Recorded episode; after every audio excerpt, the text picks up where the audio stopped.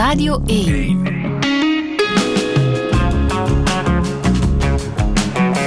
Douche. Met Friede Lesage. Touché met Ninja Weijers. Goedemorgen. Goedemorgen. Auteur van het boek Zelfdoen. Dat is een boek met uh, columns die je de voorbije zes jaar schreef voor onder andere De Groene Amsterdammer, Trouw, De Gids. Columns die over het leven gaan. Um, vaak gelinkt aan uh, boeken en schrijvers die je hebt gelezen. Was het moeilijk om daar een titel bij te verzinnen? Want de titel is Zelfdoen. Nee, de titel die was, er al, die was er al heel snel. Ja, dat, dat was zo evident dat het die titel moest hebben. Waarom? Het, nou, ik, ik denk dat, het, dat iedereen die uitspraak wel meteen herkent als iets wat op een gegeven moment kleine kinderen hè, eh, zeggen. En zelf, dat is zo'n fase dat je alles heel graag zelf wil doen. En voor mij is het ook een soort van onbewust, denk ik, een soort levensmotto geweest. En iets wat ik ook, denk ik, heel erg heb meegekregen van mijn eigen moeder.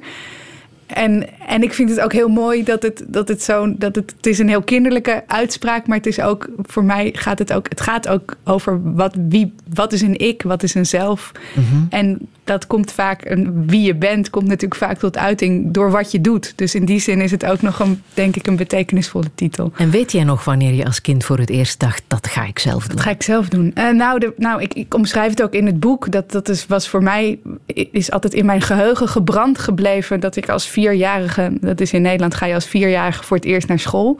Naar de basisschool. En, en in mijn herinnering, want ik, had, ik heb daar echt een herinnering aan. Uh, heb ik echt mijn ouders weggeduwd en gezegd uh, vanaf hier, uh, jullie mogen niet mee de klas in en, en nu, nu doe ik het zelf. En uh, toen, een tijdje geleden, is dat beeld eigenlijk heel erg aan het wankelen gebracht door iemand die mij, die vertelde, een moeder van een ander kindje in de klas, die vertelde hoe ze mij herinnert dat ik heel erg achter mijn vader, achter zijn, achter mm -hmm. zijn grote, mijn vader is heel lang, achter zijn lange lijf schuilde, omdat ik zo verlegen was. En dat vond ik toen heel bijna, ja, dat, dat kon ik helemaal niet goed aan. Dat iemand mij zo had gezien, terwijl ik zelf zo'n andere herinnering had van mezelf. En dat vond ik eigenlijk ook wel weer een heel mooi voorbeeld van hoe ja, hoe dat altijd werkt. Het zelfbeeld wat je hebt, hoe andere mensen naar je kijken en dat het vaak helemaal niet zo goed bij elkaar komt. Ah. Ja. Dit, dit, boek verschijnt um, net voor Internationale Vrouwendag. Is dat toeval of is dat toch een uh, prettige samenloop van omstandigheden? Het, het, is wel een prettige samenloop van omstandigheden ja. Maar niet zo echt bedoeld. Niet echt zo bedoeld, nee. Ja, nee maar nee. je vindt het ook niet erg, hè? Nee, nee, het is, het is goed. Ja, Een vrouw die alles zelf doet, dat mag wel eens in de verf gezet worden. Hoe zou jij jezelf omschrijven? Oh, wauw. Dat is meteen, hopelijk meteen de moeilijkste vraag die je me gaat stellen. um, nou, um, hoe ik mezelf. Ja, nou ja, dus als iemand die, die altijd bezig. Ik denk dat ik heel erg bezig ben geweest, altijd naar een bepaalde vormen van onafhankelijkheid. Dus ik heb, ik heb, ik heb inderdaad altijd gestreefd naar zelf dingen willen doen. Ik ging heel jong, had ik al een bijbaantje en ik wilde mijn eigen geld verdienen. En ik wilde Um, ja, ik wilde op mezelf wonen. Ik heb eigenlijk bijna altijd op mezelf gewoond ook. En ik, dus dus dat, dat is heel erg het beeld hoe ik me, hoe ik me, wat ik van mezelf heb, heb, heb gecreëerd. Maar het is natuurlijk ook, ja, dat, zo gaat het leven ook. Je bent ook afhankelijk van anderen. En ik denk dat ik langzaam daar dat aan het accepteren ben. Dat dat ja. ook uh, belangrijk is. En dat bijvoorbeeld voor mij uh, zijn vriendschappen heel erg belangrijk. En, en, en natuurlijk ook mijn familie en al, alle mensen om me heen. En ik heb, ik heb een kindje sinds negen maanden. En sinds ik een kindje heb, ben ik me er ook veel meer van bewust. Dat, dat, dat is per definitie iets wat je niet zelf kan doen, een kind ja. opvoeden. Is dat een, een, een nieuw leven dat aan het beginnen is? Ja, ja, het grap, een nieuw leven en ook natuurlijk ook een voortzetting van het. Het is, ja. het is ook, ja, ook een voortzetting van het oude leven, maar met een volstrekt nieuw element erin. Ja. Wat vind je ervan als ze over jou schrijven dat je een ingewikkelde schrijver bent? ja, dat, ja, dat, ja, dat is iets wat, wat waar ik dat heb het idee dat dat soms een beetje aan me kleeft. Uh, dat vind ik, vind ik soms jammer dat mensen. Uh, dat, dat is heel erg, denk ik, over mijn tweede roman gezegd. Vonden mensen een ingewikkeld boek. Ja, kamers, antikamers. Kamers, antikamers, ja. ja. Uh, omdat het niet een heel klassiek verhaal is en niet heel erg van A naar B, maar eigenlijk meerdere verhalen tegelijk. En in mijn ja, ik, ik vond het toen jammer dat dat boek zo erg zo gezien werd. Terwijl ik dacht, maar op heel veel manieren is het eigenlijk een heel eenvoudig boek. En ben ik ook altijd heel erg ervan overtuigd dat lezers ontzettend veel aankunnen. Uh, dat, dat je nooit lezers moet onderschatten. En soms zie ik die neiging een beetje. Dat je een soort van, ja, maar het moet niet, in lezen moet niet te ingewikkeld zijn. Want anders raken we alle lezers kwijt. Want literatuur is al zo moeilijk te verkopen. En ik denk dan altijd, volgens mij moet je daar altijd tegen in blijven gaan. En altijd mensen uh, hoog blijven inschatten. En, en dat is denk ik ook uh, terecht. Maar toch ben je geen academicus. Je hebt wel literatuur gestudeerd, maar geen academicus. Is dat iets waar je spijt van hebt? Nee. Nee, absoluut niet. Nee, nee, ik heb daar nee, niet spijt. Ik heb niet zo, niet zo van veel dingen echt spijt. Maar het zat wel in me. Ik, ik, ik heb studeren altijd heel erg leuk gevonden. Maar ik denk dat ook omdat ik het altijd heel leuk vind om nieuwe dingen te leren. En ik heb heel lang gedacht dat ik, dat ik misschien dan verder zou studeren. En dan in die, een, een echte academicus zou worden, zo gezegd. Um, Professor. Een echte pro ja, ik denk, ja, ik, heb, ik weet ook nog wel dat mijn moeder dat ook als zo'n beeld had. Van wauw, misschien kan mijn, moeder, mijn dochter dat worden. Uh, maar ik, ik kwam er ook al wel gewoon snel achter dat ik hele andere dingen wilde. En dat ik eigenlijk dat die liefde die ik heb voor dingen heel goed onderzoeken en uitpluizen en heel nauwkeurig, die kan ik ook doen terwijl ik, terwijl ik niet voor niet-academische doeleinden schrijf. Dus die kan ik ook kwijt in mijn romans en in mijn stukken, in mijn essays en in mijn columns. Ja. Ben je ook een schrijver met het onafscheidelijke hondje? Zo onafscheidelijk is het niet, want het hondje is er niet. Nee, nee dat had gekund. Ik heb het hondje even thuis gelaten. Nee, dus, ja, maar ja, het, ik heb een kleine tackle. En die, uh, die heb ik al sinds vier jaar. En, die is, en behoorlijk onafscheidelijk? Behoorlijk onafscheidelijk. Ja, we zijn behoorlijk onafscheidelijk. Ja, het is nu voor, voor de tackle is er ook wel een hoop veranderd sinds, de, sinds er ook een baby is. Dus daar moest de hond... Uh, de tackle is niet meer alleen. De tackle is niet meer alleen. Echt niet meer alle aandacht. nee, dan moet de tackle ook even aan wennen.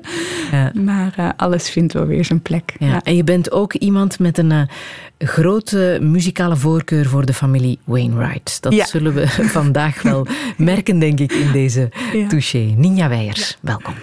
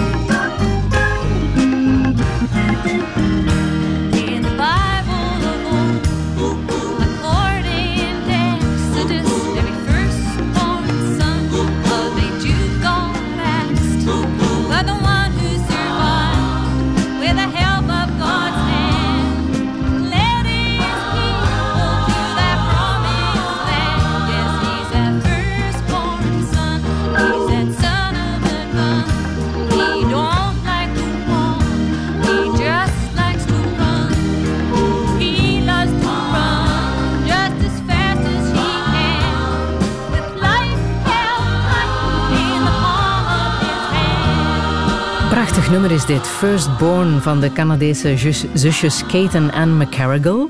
En een deel van de familie Wainwright natuurlijk. Hè? Ninja Weijers, welke betekenis heeft dit lied voor jou?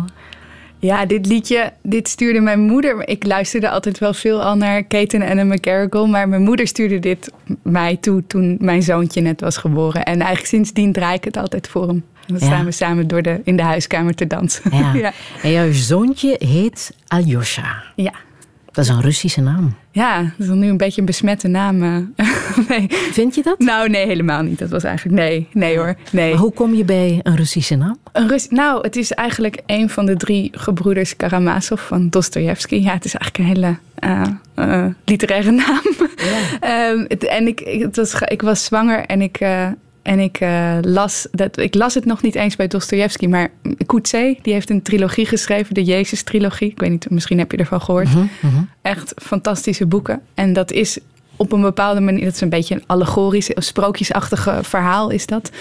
Um, en dat, daar zit ook heel veel in van Dostoevsky en de gebroeders Karamazov. En daar zit een Alyosha in. En, en ik vond het zo'n prachtige boeken. En ik was dus zwanger en ik las en ik zag die naam en ik dacht als ik een zoon krijg, dan moet hij zo heten. Ja. En, ik dacht dat ik een dochter kreeg. Ah, ja? ik wist niet, nee, we wisten niet wat het, wat het zou worden. Dus um, ja, en, en toen werd hij geboren en toen bleek het meteen de juiste naam. Dus ja. gelukkig. Ja. Maar als het een meisje was geworden, dan had je die naam ook kunnen gebruiken, denk ik. Ja, er schijnt, het is eigenlijk een, echt wel een jongensnaam. Het is namelijk een soort, uh, een, een, een afkorting van Alexei. Dus het is een soort afgeleide van, van die naam. Um, en, maar toen ging ik het googelen en het blijkt inderdaad een soort zangeres te zijn... die ooit aan het Eurovisie Songfestival heeft meegedaan, uh, die ook zo heet. Dus dat was verraste. Had ik het inderdaad. Ik had een andere meisjesnaam bedacht hoor, maar toch, ja... En die ja. trouwens deelnam voor Oekraïne, hè? Ja, inderdaad. Dus dat ja. brengt het dus eigenlijk toch weer een beetje toch, in evenwicht. Ja, dat is wel waar. Ja, ja, heb je helemaal gelijk in. Ja.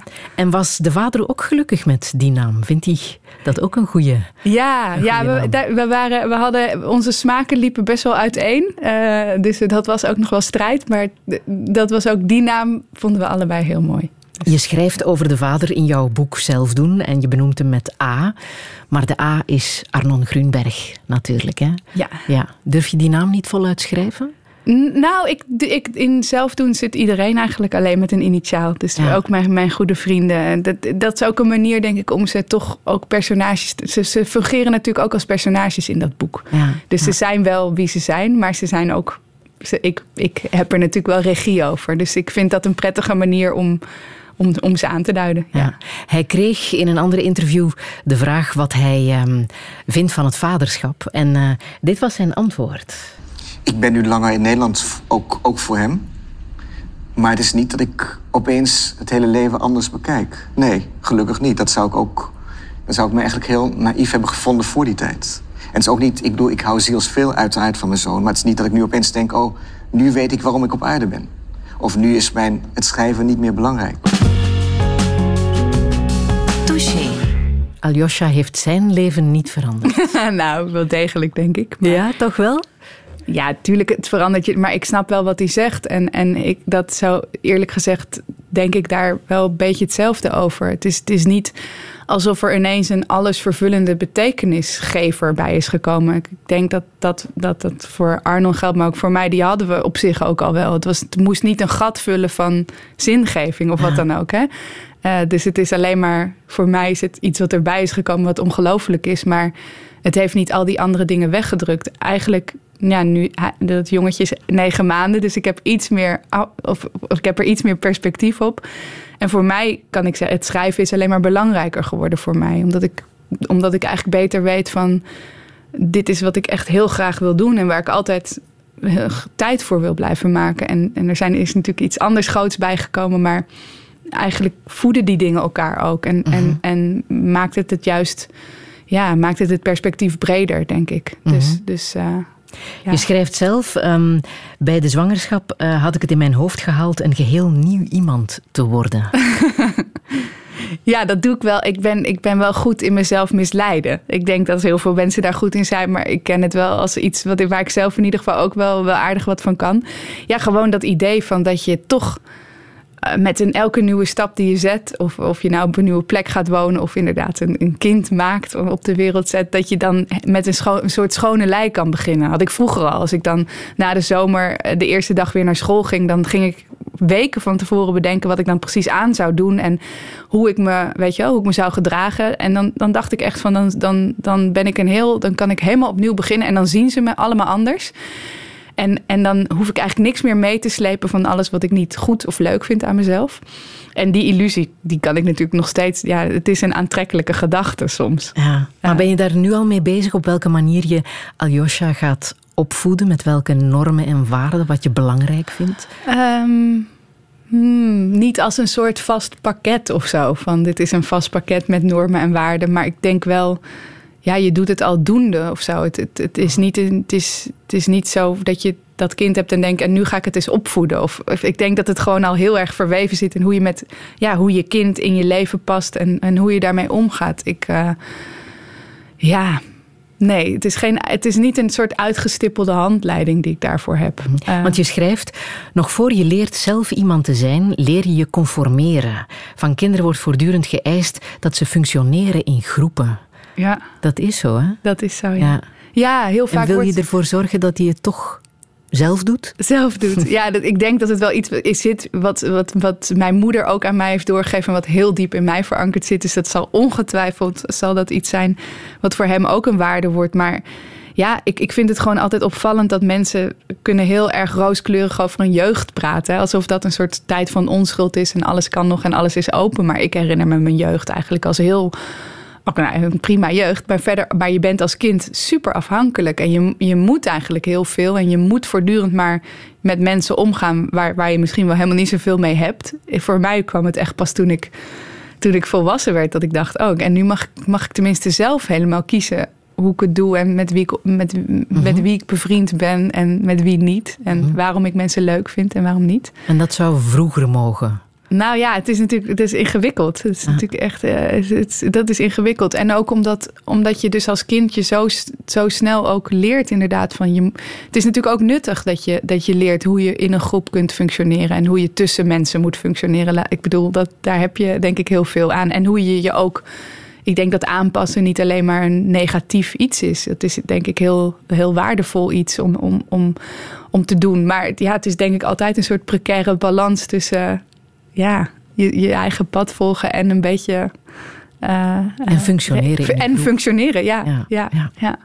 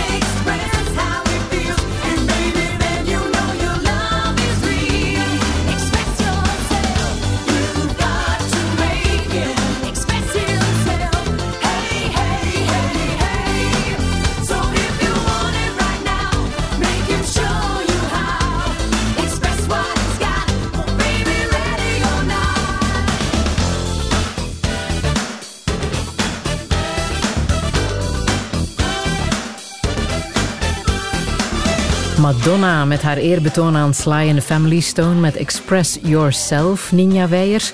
Zo'n ingewikkelde schrijfster ben jij niet, want je schrijft ook over Madonna. Ja, met daar, heb je Madonna goeie- daar heb je goede redenen voor, hè? Je hebt iets met Madonna. Ja, Madonna was wel echt mijn idool toen ik een tienermeisje was. En hoe ja. ver ging dat? Ja, hoe ver? Ja, gewoon wel echt totale obsessie had ik daarmee, denk ik zo, toen ik 13, 14 was. Ik eh, herinner me vooral dat ik haar de hele tijd te- natekende. En dat was een soort van heel... da- Daardoor, dat, dat tekenen is natuurlijk een vorm van kijken... die heel intensief is. En dan, dan, dan, dan probeerde ik dat gezicht... Ik was ook heel erg... Ik was natuurlijk heel erg een fan van haar muziek. Maar op de een of andere manier was ik ook heel erg fan van haar gezicht. Vond ik Ja. prachtig. Vond ik het Ja. mooiste gezicht dat ik ooit had gezien. Ja. Ja, Vind je dat nog altijd, nu Nou. de 60 voorbij is? Nou, heel eerlijk gezegd eh, vind ik dat nu een beetje moeilijk. Want ze is echt, eh, ze is ontzettend, eh, ja, ze heeft er heel veel aan haar gezicht laten doen, laat ik het zo zeggen. En niet dat ik daar een enorm oordeel over wil uitspreken, maar het is wel, ze is, je, ja, het is, ze, ze is op een bepaalde manier een beetje onherkenbaar geworden. Ah. ja. Een beetje ontrouw aan hoe ze zichzelf profileerde als eh, jonge Ah, vrouw. ja, dat is Heel natuurlijk, authentiek. is natuurlijk heel moeilijk. Zij Ja, wou zijn. Nou, het is natuurlijk ook wat je zelf.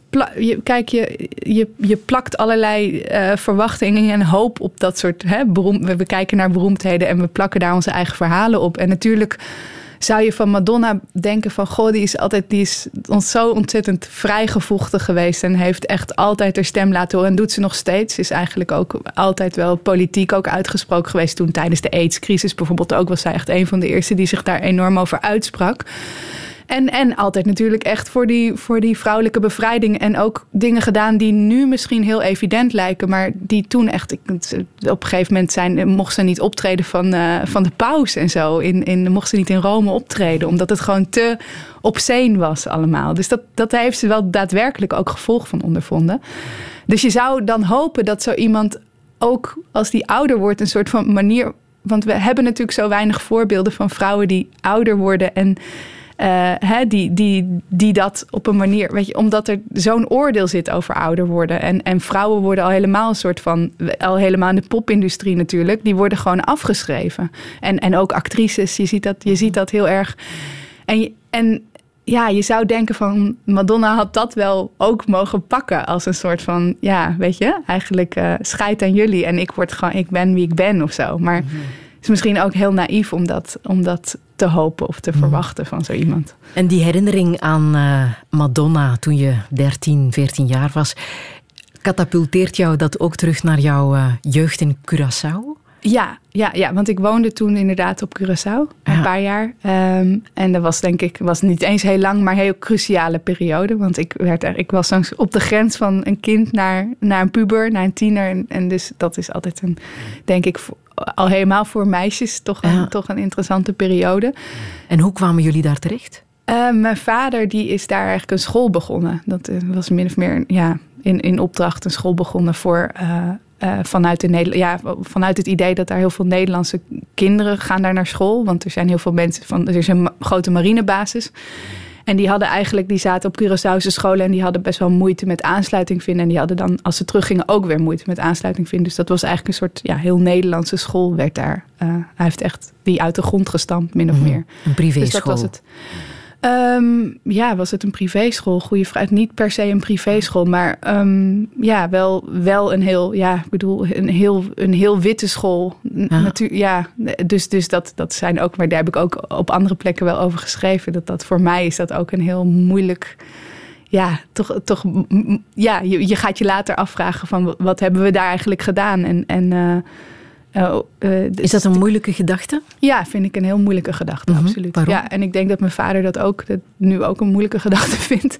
Nou, ook vanuit een soort, ja, het is natuurlijk ook heel soort neocoloniaal eh, om, om daar, weet je, Curaçao, daar zitten nog heel veel Nederlanders en die, die, die, die gebruiken dat eiland bijna echt als een soort van een fijne provincie van Nederland waar de zon altijd schijnt en waar je naar het strand kunt.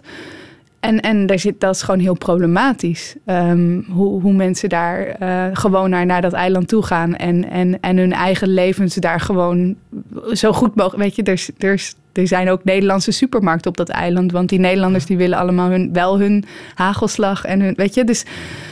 ehm, en er zit natuurlijk een enorme geschiedenis van, van kolonialisme. En, en daar- daar was ik me natuurlijk als twaalfjarige niet per se heel erg van bewust. Maar ik denk wel dat zo'n school alleen maar bijdraagt aan, aan, aan, een, ja, aan, aan een soort scheiding tussen, tussen ja, een soort rare. Ja, dus, dus ja, dat is, dat is ingewikkeld. En tegelijkertijd heb ik wel hele, ook hele goede herinneringen aan dat eiland. Dus dat is eigenlijk alles door elkaar. Ik heb me daar ook heel. Ja, ik ben daar ook heel blij geweest, denk ik. En heel, ik ben een paar jaar geleden een keer terug geweest, omdat ik ook juist over de, dit wilde schrijven, over dit onderwerp. Daar heb ik een lang stuk over geschreven. En de- ik, ik zette voet aan grond van dat eiland en ik voelde me daar eigenlijk thuis. En ik vroeg me af van, wat, wat is dat dan? Want mag ik me hier eigenlijk wel thuis voelen? En, en hoe, hoe, hoe werkt dat dan? Dus Ja. nou ja, je noemt Veel- het neocoloniale schaamte. ja, dat gevoel. Ja, ja, tuurlijk, tuurlijk, ja. En je zegt, jouw vader ziet dat nu ook zo.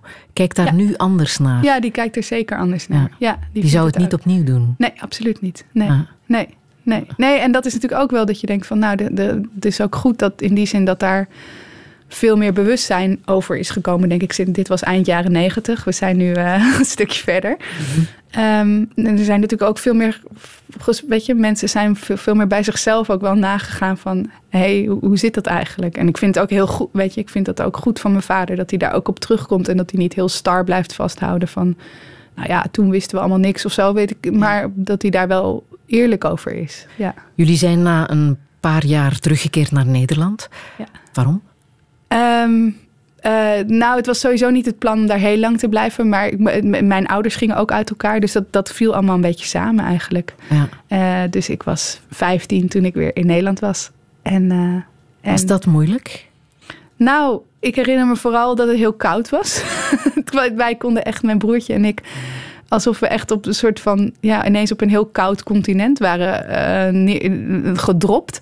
En dat we dan zo vroeg op moesten om naar school te gaan, was het nog aardedonker. En dan door die kou fietsen en zo. En, en ik, ik herinner me van dat eerste jaar vooral dat ik alleen maar heel lang onder de douche wilde staan de hele tijd. Om het maar een beetje warm te krijgen.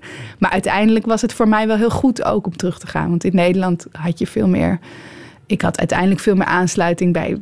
Er, er was veel meer gaande, dingen die ik interessant en leuk vond. Ik kon veel meer mijn eigen gang gaan. En, en dus dat was uiteindelijk ook goed. Ja.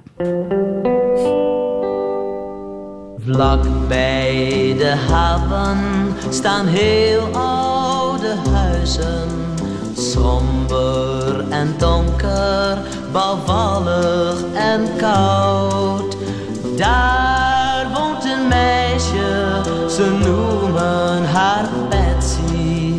Zij is het meisje dat veel van me houdt. Kaal en versleten zijn Patsy haar kleren. Ondanks die kleren hoort Patsy bij mij.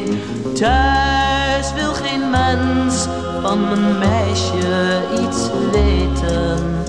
Toch gaat mijn liefde voor haar nooit voorbij. Betsy, ik hoor toch bij jou. Nooit wil ik een ander als vrouw. Ook al woon je in een krot met de huisdeur kapot.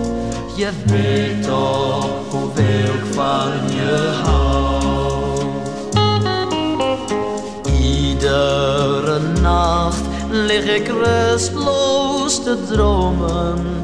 Ik zie hoe je wacht in die sombere straat.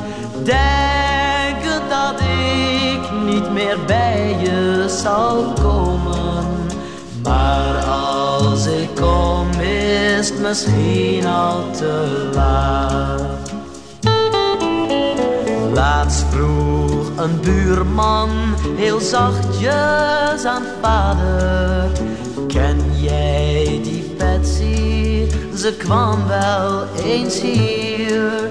Het meisje is droef aan haar einde gekomen.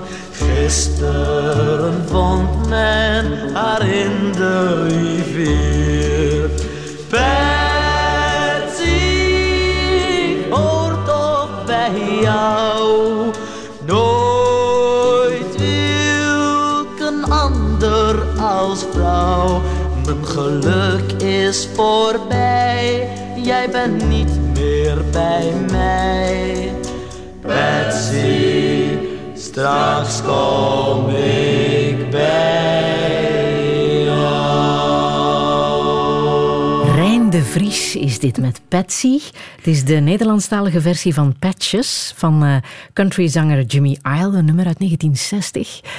Ninja Weijers, waarschijnlijk zit, zitten de Nederlandse luisteraars wel mee te neurien met dit nummer. Wij kennen het niet, maar waarom is het voor jou zo bijzonder? Ja, nou, dit is, ja, ik heb ook nog steeds vind ik dit een heel ontroerend nummer. Ja, dat, dat is, eh, het is wel een schrijnend Echt een nummer, smartlap, Ja, ja. Ja, Het is, ik heb een tijdje gehad dat ik als kind... ehm, vroeg ik mijn moeder in plaats van verhaaltjes voor te lezen voor het slapen gaan... vroeg ik haar om smartlappen voor mij te zingen. Dus echt de droevige liedjes uit de, de Nederlandse muziekgeschiedenis. En ehm, eh, we hadden daar een cassettebandje ook van. En, en ik denk dat mijn ouders dat gewoon leuk en een beetje voor de kitscherigheid leuk vonden. Maar ik, ik vond dat echt heel erg mooi. Dus een tijd lang heeft mijn moeder die liedjes voor mij gezongen. En dan moest ik ook heel erg huilen. Dus dat was ook een. Denk, ik vind dat gewoon zo grappig dat ik dat. Ik wilde dat allemaal heel graag voelen. En ik vond dat. Ik denk dat ik er al heel jong achter kwam dat dat dat dat soort cathartisch huilen, dat dat heel prettig was ook op een bepaalde manier. En dit was, maar dit vond ik het allermooiste liedje, want het is echt een verhaal over ja, een jongen die, die verliefd was op Patsy en, en op een gegeven moment, eh, en ze woont natuurlijk in een krot met de voordeur kapot en ze- in zeer armoedige omstandigheden. En dan heb je uiteindelijk aan het eind van dat liedje, dan vond men haar in de rivier en dan heeft ze zichzelf eh, verdronken. En dat vond ik zo intens verdrietig. Ja, schrijnend. Ja, Ja. ja. Je zegt, ik vond het leuker dat mijn moeder voorzong dan dat ze voorlas. Ja. Je vond het leuker dat er, dat er gezongen werd dan dat er gelezen werd. Ja, maar vooral ook die liedjes waar ik dan heel. En, en nog van alles hoor. Van allerlei van dat soort liedjes. Maar ik- toch bijzonder voor iemand die dan literatuurwetenschappen Ja. is gaan studeren en geen conservatorium heeft gedaan. Nee, nee, zeker niet. Nee. Maar wanneer is dan de liefde voor, voor boeken en voor lezen en Nee, literatuur ik, begonnen? Ik, ik, ik, ik liet me ook altijd heel graag voorlezen hoor. Maar daar was mijn vader ook heel, heel bedreven in. Ehm, maar nee, die, ik denk dat de liefde voor dit soort liedjes eigenlijk heel veel gelijkenissen vertoont. Ook met de liefde voor literatuur. En dat dat ook, kijk, waarom ik nu boeken lees, heeft andere redenen dan waarom, was, waarom ik als kind boeken las. Maar ik denk dat ik wel begonnen ben met lezen vanuit het idee dat je je echt kunt laten vervoeren door iets. Of naar een andere wereld kunt laten transporteren. En, daar, en dat een fictief verhaal heel veel emotie kan oproepen. Ik denk dat ik dat, als ik aan, aan de eerste boeken denk, die ik ook heel mooi vond, dat dat het eerste is waar ik, waar ik ook aan moet denken. En welke boeken waren dat? Ja, dan heb je bijvoorbeeld van Els Pelgrom. Ik weet niet of dat voor jullie een. Maar dat is. Het, heet, het boek heette Kleine Sophie en Lange Wapper. En dat ging over een meisje dat echt ziek, doodziek was. En eigenlijk doodging. En in haar laatste soort van dromen allerlei avonturen meemaakte. Maar dat vond ik ook zo'n aangrijpend boek. Ja, en dan had je, had je blauwe plekken. Dat, hoe, heette zij ook alweer? De schrijf van, van wat, hoe heet zij? Anke de Vries, volgens Ja. mij. Anke de Vries. En dat was ook zo'n boek wat ging over een meisje dat mishandeld werd. Dus, dus al, al dat soort eerste boeken die echt diepe indruk op me maakten. Nou, ook, ook Kruistocht in Spijkerbroek van Thea Beckman. Dat ook gewoon een heel... Natuurlijk een heel... gro- Dat gaat over de kinderkruistochten. Dat gaat over, eh, dat gaat over hele heftige dingen. Dus daar was ik wel heel erg naar op zoek. Naar, naar, naar hoe het leven eigenlijk boven je eigen leven kan uitstijgen. En hoe je een soort parallele werkelijkheid daarin kon vinden. Dus En wanneer kwam dan de drang om zelf te beginnen schrijven? Om te denken, dat kan ik ook? Ja, heel vroeg denk ik. Ja? Ik denk dat het wel zo is dat eh, ik, ik, ik tekende graag en ik schreef graag. Dus als ik, als ik kunstenaar was geworden, dan had ik gezegd, ja, heel vroeg tekende ik al. Dus dat is altijd een beetje, misschien een beetje onbetrouwbaar, maar ik schreef wel altijd verhaaltjes. Ik schreef Ja. altijd veel. Ja. Ja, en dat eerste boek, daar heb je lang aan gewerkt, hè? De consequenties. Ja. Ja. Ja. Dat traject daar naartoe, om dan uiteindelijk dat boek te hebben, was ook niet zo makkelijk natuurlijk. Hè? Want wat zeg je dan? Ben je schrijver of eh, schrijver in wording. Ja. Als je nog niet echt een boek, Nee, een tastbaar dan- boek hebt gemaakt. Nee, dan ben je eigenlijk geen schrijver, hè? Je bent pas schrijver als je een boek hebt geschreven. Ja. Toch een beetje, daar ben ik dan toch heel conservatief in. Ja. Ehm, ja, nee, dat is heel gek. En ik weet nog dat ik dat eerste boek schreef, inmiddels ook alweer best wel lang geleden. Maar dat ik daar ook heel excuserend over was. Dat ik, dat ik zo, ja, ik, ik Mhm. probeer een boek te schrijven. Het was, ik, was, ik hield altijd heel veel voorbehoud. Ik had ook geen idee of het zou lukken. Totdat het, totdat er was eigenlijk. Ja. En tot je prijzen begon te winnen. hè? Onder andere de publieksprijs bij eh, de Gouden Boekenuil. Ja, En dat je echt- inderdaad twijfelde, dat was toen inderdaad wel eh, te horen. Wat fantastisch. Dank, dank jullie wel, 100 lezers. Ja, ik, nou ja, ik zei het net al tegen Friedel. Het is ongelooflijk bijzonder als je, als je boek ineens weerklank vindt... en dat mensen dat dan eh, ineens mooi vinden. En dat is alles wat je hoopt. En ik sta ervan te trillen op mijn, op mijn veel te hoge hakken. Maar dank jullie wel. Ik ben er echt ontzettend blij mee. Ja, Proficiat, bedankt. Dank je wel. Touché. Trillend op je veel te hoge hakken. We hebben elkaar toen ook gesproken. Ja, Je ja. bent helemaal geëmotioneerd. Ja, omdat ik het zo. Ik vind het ook. Ja, ik weet niet. Zo, het is ook zo kwetsbaar of zo. Ja. Ehm, Want wat zeg je dan als je zo'n prijs wint en daar sta je ineens op het podium met, ja. met je prijs? ja, ik vond dat ook de bijzonderste, een van de bijzonderste prijzen of zo. Omdat het was echt een lezersprijs. En ik dacht wel van hartstikke leuk dat juries en zo zeggen. Nou goed, literair boek, dit en dat. Maar dat het, dat het lezers had gevonden, vond ik ineens zo ongelooflijk. En nog steeds kan ik dat wel vinden. Ja, en dat ja. het tastbaar werd. Ja, Ja, Ja.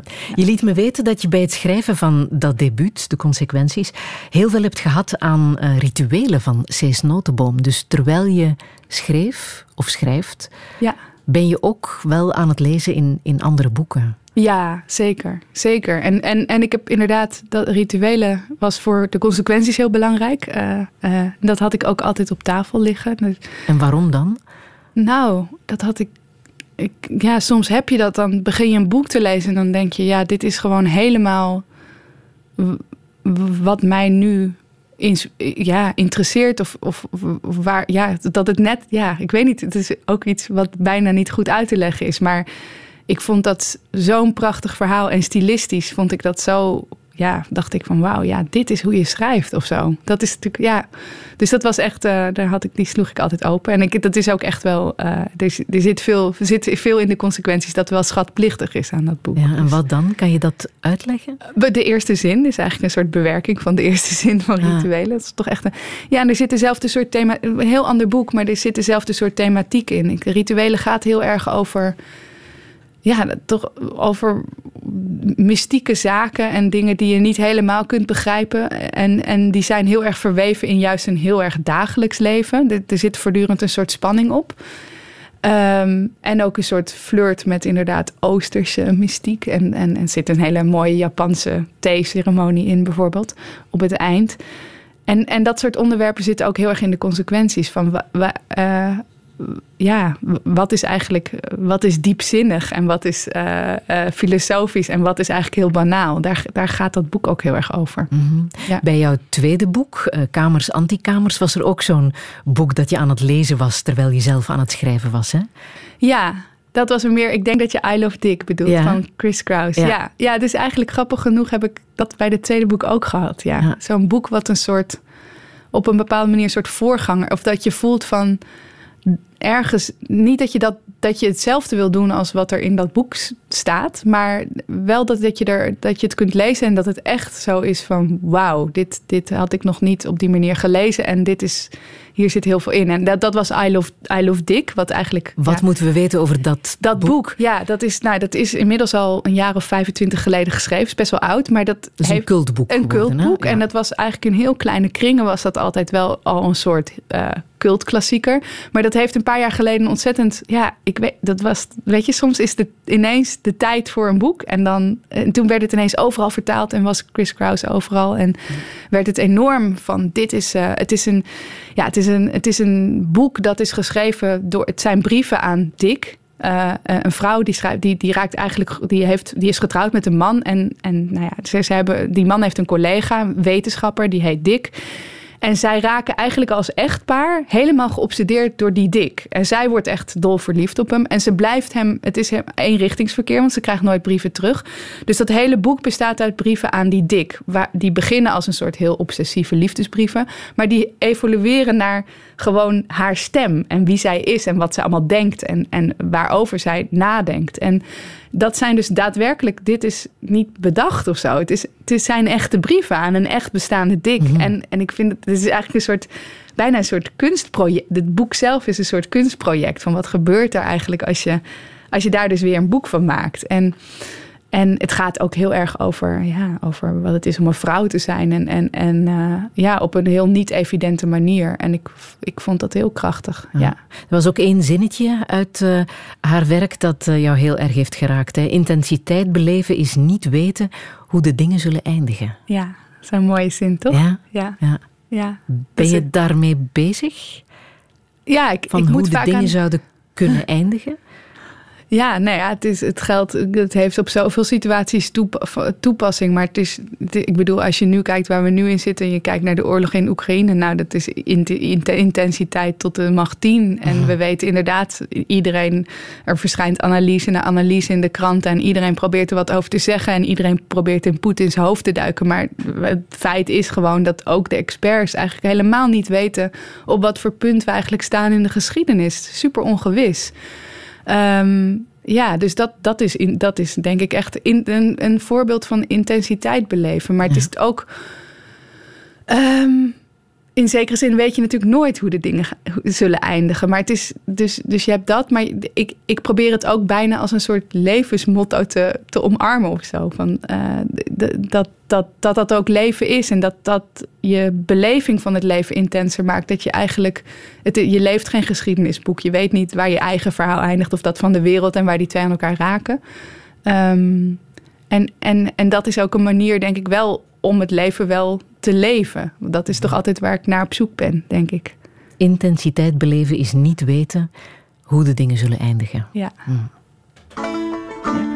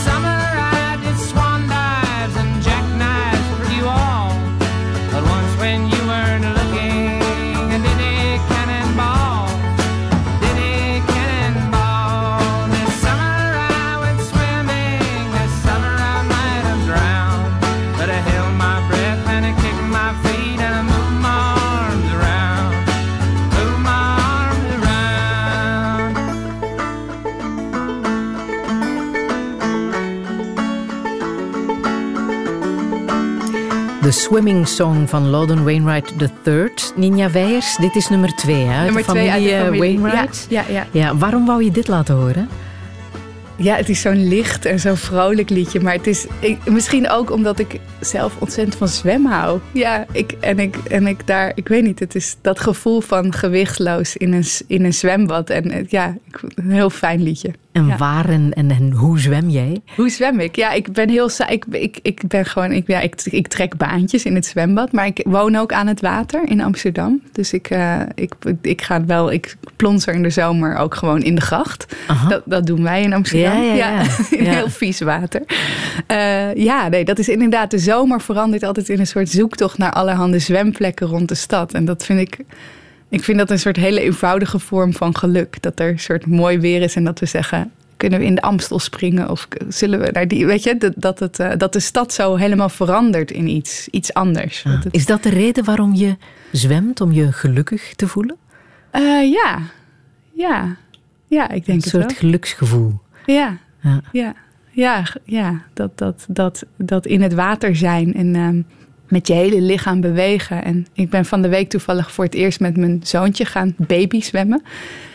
Want ik dacht ook, ik dacht ook echt, nou ja, je vroeg net van, geef je me een pakket met eh, eh, opvoedingslessen mee. Maar ik dacht wel, hij moet wel, hij moet wel een beetje een waterdiertje worden. Dus, Ja? eh, Je moet wel kunnen zwemmen. Hij moet wel kunnen zwemmen. Ja. Ik vind toch zwemmen is toch ook overleven, denk ik. Als je kunt zwemmen, dan kun je veel. Ja, jij leeft en, en ademt literatuur, dus jij weet ook welke schrijvers en welke kunstenaars zwemmen. dat weet je, hè? Ik, nou ja, ik weet, niet of, ik weet niet of ik ze van allemaal weet. Maar ja, ja, nee, het is inderdaad een soort... Ja, er is een heel mooi boek geschreven. Dat heet, eh, het staat ook in mijn boek, het heet Op zoek naar de zwarte masseur. En dat klinkt als een hele rare titel. Maar de zwarte masseur is, eh, is in dit geval de, een, een metafoor voor de zee. En dat hele boek gaat eigenlijk inderdaad over schrijvers die iets met water hadden. Of, of erin natuurlijk... eh, eh, je had ook schrijvers die erin verdronken. Per, eh, Percy Shelley, die, die, die verdronk erin. Maar Lord Byron bijvoorbeeld was een enorme zwemmer. En die stak echt hele kanalen over en zo. En die had een... Dat vond ik een heel mooi detail wat ik nooit zal vergeten. Want die had een soort ongelukkig been. Die had een soort één been wat een beetje een soort... een beetje zwak been. En daar schaamde hij zich ook heel erg voor. Eh, maar in het water was dat allemaal... eh, was dat opgeheven. Ja. Kon niemand dat zien en voelde hij zich ook eh, anders daarin. Dus Zeg, als jij niet gaat zwemmen, dan ga jij ook wel eens in een eh, zoutwatercapsule liggen tegen 30 euro per uur. Is dat een soort alternatief voor het zwemmen, dat je dat doet? Nou ja, dat is, ja ik, hou, ik denk dat ik heel erg ik, het heel fijn vind om gewichtsloos te zijn en om gedragen te worden. Maar dat, ja, dat vind ik heel interessant. Dat zijn van die capsules. Ik weet niet of jullie dat kennen in België, waarschijnlijk wel. Dan kun je, ja, dan lig je in dus extreem zout water. Je ligt eigenlijk op het water. En dat wordt dan, dat wordt dan, dan helemaal donker gemaakt. En het is eigenlijk net alsof je in een soort baarmoeder ligt, wat ik me daarbij voorstel. Gewoon helemaal afgesloten van elke van, van de hele wereld. En dat is dan heel. Je, het kan heel claustrofobisch zijn en het kan heel ontspannend zijn. Maar ik vind dat, ja, Jij dat doe ik af en toe. Ja, ik vind het leuk. Ja, ja omdat dit zo helemaal terug naar, naar, ja, ja, naar nul is of zo. Het is een heel gek gevoel. Je hebt Ja. ook andere vormen van ja, dat nulpunt eh, al uitgeprobeerd. Hè? Je doet ook yoga. Je hebt de meditatie-app van Sam Harris eh, uitgeprobeerd. Je bent zelfs naar een, naar een eiland getrokken eh, in Billingwoude. Een soort zuiveringsweekend heb je daar Ja, ja. gedaan. Ja. Ehm, Nou, het is een dorp. Het is een dorp. Het is een in. Ja, in. Groningen. ja. Iets wat nu niet meer mag. Ja, dat is inderdaad. dat was een weekend dat ik naar ayahuasca. Ik weet niet of je dat is een eigenlijk een soort plant, eh, een, een, een, thee gemaakt van, van verschillende planten. En dat wordt in, in, de, in het komt uit het Amazonegebied. En dat is heel, eh, dat is zijn echt een eh, hallu- hallucinogene. Nou, ik kom er niet uit, maar je gaat ervan heel erg van hallucineren. Ja. Ehm, en eh, ja, dat, wordt, dat is echt zo'n zo'n eeuwenoud ritueel eh, onder shamanen. En dat is enorm naar, eh, naar, naar de westerse wereld overgekomen. Want het is natuurlijk een soort ja, shortcut naar spiritualiteit bijna. Want je hebt, je hebt, dat is een enorm alomvattende ervaring. En ja, dat heb ik een paar jaar geleden gedaan. Zo, dat kon je... Nu mag het niet Nu meer, mag hè? het niet meer, nee. een van de laatste Ja. weekends kunnen meemaken. Klopt, ja, Ja. Het is nu verboden inderdaad. Omdat Ja. het staat nu echt op de lijst van, nou ja, van verboden drugs eigenlijk. Ehm, En Dus, hoe is dat geweest dan? Wa- Wat gebeurt daar in zo'n weekend? Wat gebeurt daar? Ja, je, je, je, je bent met een aantal mensen die komen van allerlei richtingen uit het land. En die om allerlei redenen. eh, het, het werd ook bijna als een soort therapie. Eh, voor heel veel mensen was het een vorm van therapie. En ook een soort onderhoudskuur. Dus heel veel mensen deden dat dan een paar keer per jaar om hun geest te, te resetten, min of meer. Ik vond dat gewoon heel interessant. Ik vond het. Er zat een soort dubbele. Ik vond het als als schrijver interessant. Ik dacht van, ik ben altijd geïnteresseerd van wat, wat doen mensen eigenlijk die zoeken naar spiritualiteit en die, dus, die misschien het niet in geloof vinden, maar het in andere dingen proberen te vinden. Maar tegelijkertijd ben ik er zelf ook wel degelijk wel nieuwsgierig naar dat soort ervaring. Denk ik van, wat, wat ervaar je dan eigenlijk? Eh, Wat ervaar je? Goh, ja, het, was, en het is heel heftig hoor. Het is heel. ehm, eh, dus dus je- ja, je, je, je drinkt die drank en je gaat liggen. En je, je bent een paar uur lang heel erg aan het trippen, noemen ze dat dan. En, dat is, eh, en eh, het, het heeft ook een heel fysiek aspect. Je gaat, de meeste mensen gaan er heel erg van overgeven. Dus het is een soort. Dus ze noemen het ook de La Purga, heet het ook in Zuid-Amerika, de zuivering. Dus dat ook van, vanuit dat idee van dat je alles eruit gooit. eh, wat, wat giftig is of niet goed. En dan, ja, dan heb je, je kunt van alles. Je hebt hele levendige, je hebt hele beelden en dromen. Ik, ik zweefde heel erg boven mijn eigen lichaam en ik, ik zag mezelf als kind en ik zag mezelf ook als dode. Dat klinkt heel naargeestig, maar dat was het helemaal niet. Dus ja, ehm, eh, ja. En Wat zag je dan als je jezelf zag als... Nou, ik zag mezelf dode? in een kist liggen en er stonden heel veel mensen omheen. En ik vond het eigenlijk wel iets, iets vredigs hebben. Ehm, ja, Ehm, ja ik, ik, het is ook heel. eh, Als je zo, zo'n ervaring probeert uit te leggen, klinkt het al heel snel heel banaal, denk ik. Maar eh, je, ja. ehm, het, het is natuurlijk wel van een andere orde. Eh, omdat je geest nou eenmaal. ja, dit is, er, zit iets, er wordt iets met je geest gedaan. Wat, wat gewoon in je normale perceptie helemaal niet aan de hand is. Ehm, dus dat was heel intens. En tegelijkertijd, weet je, dat, dat, daarom heb ik er ook over geschreven. Ik vind het heel interessant dat mensen dan eigenlijk zoeken naar een soort levensveranderend inzicht. Hè? Ik denk dat dat is waar heel veel mensen toch op hopen. Eh, of het nou met ayahuasca is of met iets anders. Maar ja, weet je, ondanks dat het, een, dat het een buitengewone ervaring is, is het voor mij niet levensveranderend geweest. En denk ik dat dat hele concept van levensveranderende ervaringen, dat het veel meer te maken heeft met dingen die je ook in je dagelijks leven meemaakt. En die, het, het is niet altijd een heldere flits. hè? Het is niet, ja. Ninja Weijers, ik heb nog eh, muziek uit de film Melancholia. Jouw eh, favoriete film van Lars von Trier met eh, Kirsten Dunst en Charlotte Gainsbourg. Ehm, een heel bijzondere film. Hè? Waarom heeft die jou zo geraakt? Oh ja, die film. Ja, nee, daar was ik echt. Ja, ik heb het bij alle films van Lars von Trier. Ik kan, ik kan dan eigenlijk niet meer praten nadat ik die films heb gezien. Zo Dat is- erg, ik vind ja. ze zo heftig. Maar Melancholia, ik weet niet, op de een of andere manier kon ik me zo goed voorstellen. Dat, gaat over een vrouw die eigenlijk gewoon zwaar depressief is.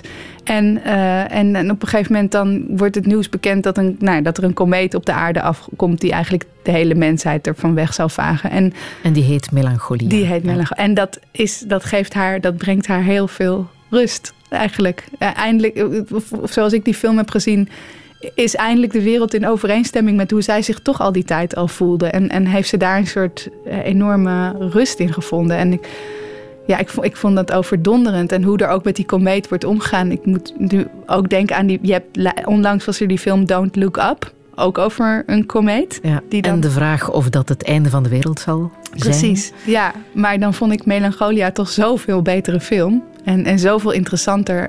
eh, ja, Mhm. ja, zo Denk je dat het ooit stopt? Dat er ooit iets zal gebeuren wat een einde aan dit leven zal maken? Nou, ik denk dat het een soort... Het is bijna een soort perverse hoop, denk ik... dat, het, dat de wereld in één klap eindigt. Want dan zijn we er ook maar vanaf. Hè? Ik bedoel, even heel cru gezegd. Maar dan... Het is vaak veel ingewikkelder. Dus ik denk dat het... eh, ik denk niet dat het in één klap gaat eindigen, nee. Ninja Weijers. Zometeen praten wij verder in Touché.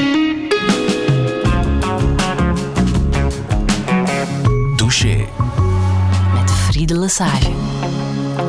Touché met schrijfster Ninja Weijers. Al van kinds af had ze een grote drang naar autonomie. Zelfdoen werd niet voor niets de titel van haar nieuwe bundel. Ze nam een voorbeeld aan Madonna. In plaats van literatuur te bestuderen ging ze zelf schrijven. En nu ze ook zelf moeder is geworden, valt daar ook veel over te vertellen. Maar hoe moet het verder? Kan je het als moeder helemaal zelf doen? Is vriendschap een onderschatte vorm van liefde? En hoe definieert ze het vaderschap van Arnon Grunberg? Dit is Touché met Ninja Weijers. Een goede middag. This is the first day of my life. Swear I was born right in the doorway. I went out in the rain, suddenly everything changed. They're spreading blankets on the beach. Yours is the first face that I saw. I was blind before I met you. And I don't know where I am, I don't know where I've been, but I know where I want to go. And so I thought I'd let you know.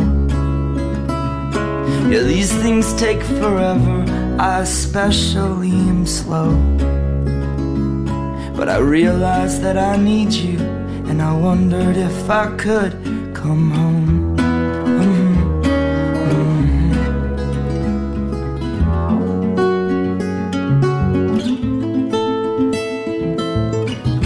Remember the time you drove all night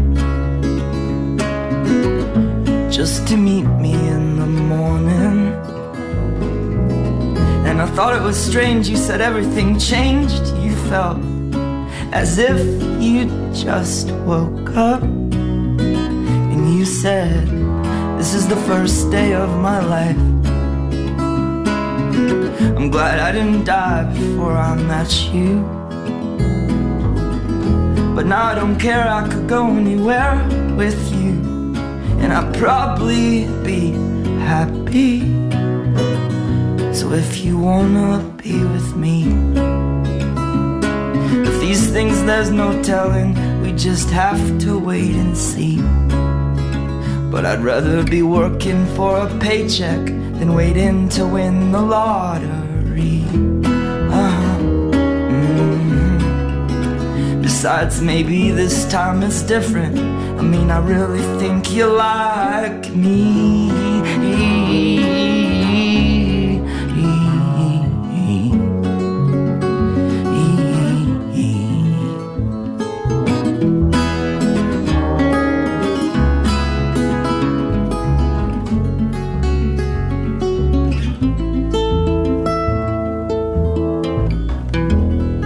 Bright Eyes met First Day of My Life, Ninja Weijers. Wat een bijzonder mooi nummer, hè? Ja. Ja, dat vinden wij. Ja, dat- Maar iemand vindt dat niet. Ja, nee, inderdaad. Ja, nee, dit is het. Ik, ik heb hier heel veel naar geluisterd toen ik zo begin twintig was, naar dit album. Dat was echt zo. Dat is ook volgens mij een periode in je leven dat je zoveel naar muziek luistert en dat ook heel erg herinnert. En toen weet ik nog dat ik toen op een gegeven moment las ik van Jonathan Franzen Freedom, zijn grote dikke boek.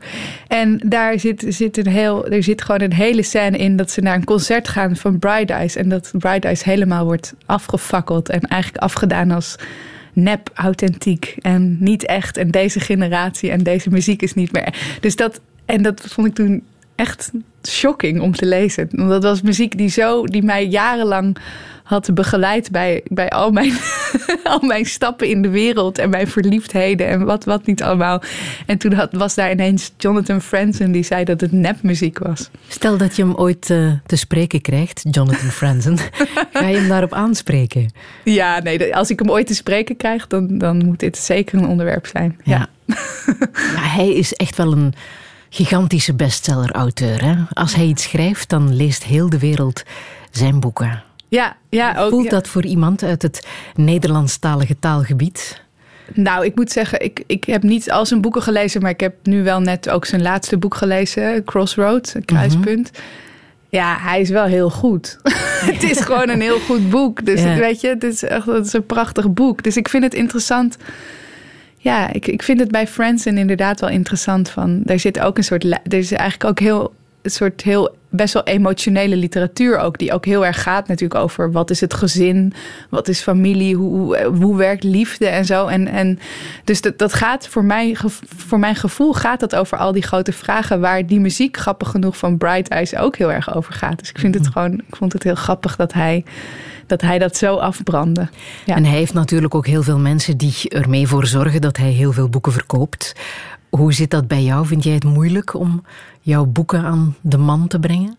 Ehm, goh, ehm, ja, weet je, ehm, ik weet niet. Ik, ik, ik, ik vraag me altijd af in hoeverre je jezelf daar nou zo'n ongelofelijke invloed op hebt. Ik denk dat het wel iets uitmaakt. En, maar ik denk dat het heel vaak wordt voorgespiegeld alsof je dat. Alsof je zelf heel erg invloed zou hebben op hoe goed je boeken verkopen. Ik denk dat dat eigenlijk niet waar is. Ik denk dat boeken vaak een bepaald momentum hebben of ontbreken. En ehm, er- kan, kan heel veel toevalligs gebeuren waardoor een boek ineens wel vleugels krijgt. Dat gebeurde bij de consequenties van mij. Er was, er was eigenlijk een, een samenloop van ook heel veel toevalligheden. En mensen dachten dat daar een heel uitgekiend plan achter zat. En zo, zo was het niet. Zo, zo werkt het niet. Maar ik denk wel dat het helpt dat je natuurlijk, ja, je moet wel zelf heel erg geloven in wat je maakt. Ik bedoel, dat, dat is denk ik de eerste basis van wat, je, van wat je doet, ook om een boek te verkopen. Want je verkoopt iets niet, je bent niet een soort, weet je wel, je bent niet een soort stofzuiger verkoper of zo. Het is wel, Veel posten op Instagram zal niet helpen. Nee, denk het niet. Nee, daar ben ik echt niet. Nee, dat vind ik echt onzin allemaal. En ook dan denk ik ook dat is dan wij van WC 1 verkopen. Weet je, dat zijn. Ik bedoel, als een schrijver heel veel over zijn eigen boek gaat. Tuurlijk wil ik wel mensen laten weten van. Hè, dus van nou ja, ik ben hier, ik ben hier op dit radioprogramma of zo. Maar nee, een boek, een boek, dat is ook wel het ondergrondelijke aan eh, hoe een boek een leven krijgt. Dat gaat natuurlijk ook uiteindelijk, ja, hoe je het ook went of keert, door lezers. En lezers praten met elkaar en die vertellen ook. Het is eigenlijk heel ouderwets. Dus daar kun je nog zoveel. zo kun je een enorme PR-machine opzetten. Maar als het het niet doet, dan gaat het het gewoon niet doen. En dat is ook wel weer spannend. En dan helpt Instagram niet Nee, echt. Nee. Dat, denk, ik- dat denk ik eigenlijk Maar jij kijkt wel naar Instagram. Je bent zelfs eh, heel erg ehm, ja, verslingerd geraakt, ik weet niet of ik nu overdrijf, aan eh, Yvonne Koldewijer. Bij ons Oh. niet zo bekend, Ja. maar eh, in Nederland ehm, wel een klinkende naam. De roddelkoningin Ja, ja, van. Nederland wordt ze genoemd. Heeft een half miljoen volgers op Instagram. Hoe komt het dat jij haar volgt? Ja, dat is gewoon puur voyeurisme. Er werd over, weet je, er werd, ik, er werd over haar geschreven. En, en ik, of ik, ik las over haar eigenlijk. Want zij had eigenlijk, zij zat, in Nederland spelen er een aantal dingen rondom The Voice. Eh zullen jullie vast Ja. hebben meegekregen. En je hebt nu een rapper, Lil Kleine, die zijn vriendin heeft mishandeld. En dat is, nou, dat is een enorm grote daad. Dat houdt de Nederlanders bezig. En dat is allemaal door deze Yvonne Koldewij naar buiten gekomen. En dat is iemand, die is helemaal geen journalist. Maar die is dus gewoon een soort influencer op Instagram. Heeft heel groot bereik. En die heeft dus blijkbaar allemaal mensen overal die haar ook weer van informatie voorzien. Die dus ook heel vaak toch wel tamelijk accuraat blijkt. En ja, het is gewoon, het is natuurlijk een soort vreemd fenomeen. Dus ik, en maar volgens mij was dit in het, weet je wel, dit vind ik echt een heel, want ik, ik volg dat dan, maar eigenlijk vind ik het ook niet kunnen, weet je wel. Dus het is heel, Ehm, net als dat, de, weet je, we weten allemaal wat voor verwoestende effecten de paparazzi hebben gehad. Ik bedoel, dat is echt, als je kijkt naar die beroemde documentaire over Amy Winehouse, hoe, hoe haar leven zo is verruineerd. Nou, Britney Spears kun je het ook over zeggen. Eh, Nou, Diana eerder al. Maar dat is natuurlijk net zo met dat, dat is heel invasief. Heel invasief in levens van, van mensen die dus dan bekende Nederlanders zijn. En tegelijkertijd denk ik van, ja, dan wil ik toch weten wie dat, weet je wel, hoe zo iemand, wie dat is of zo en wat hij doet. En dan ga ik dat volgen, maar dan voel ik me eigenlijk ook een, toch redelijk schuldig over dat ik dat dan weer volg. Dus dat is een ingewikkeld iets. Ze heeft ook een watermerk, hè? Dat ze Ja. over haar eh, Ja. bronnen, over haar foto's eh, Ah. zet. eh, waardoor je weet dat het Dat- van haar komt Ja, en alleen klopt. van haar. Dat het ook niet kan gecopy-paste worden. Nou ja, en ze, ja, en ze is super uitgesproken. Het heeft ook wel weer. Ze is heel uitgesproken en ze bemoeit. Dat is ook heel gek. Ze, ze praat eigenlijk direct tegen de mensen waar, waar ze over roddelt. Die geeft ze eigenlijk ook de hele tijd levensadviezen. En dan zegt ze ook tegen die vriendin van die Leeuw Kleine, die dus was mishandeld, zegt ze: Je moet niet meer naar hem teruggaan. En je moet dit. Dus het is een heel. Je, had, je hebt natuurlijk de klassieke roddelpers. En dat zijn inderdaad die paparazzi die in de bosjes liggen met hun camera's. En oeh, we hebben dit. Dan zie zie je een beetje tussen het struikgewas wat, wat foto's. Maar deze vrouw die gaat dus echt een soort van bijna in dialoog met die, met die bekende Nederland. Ja, dat zijn van die fenomenen waarvan ik denk.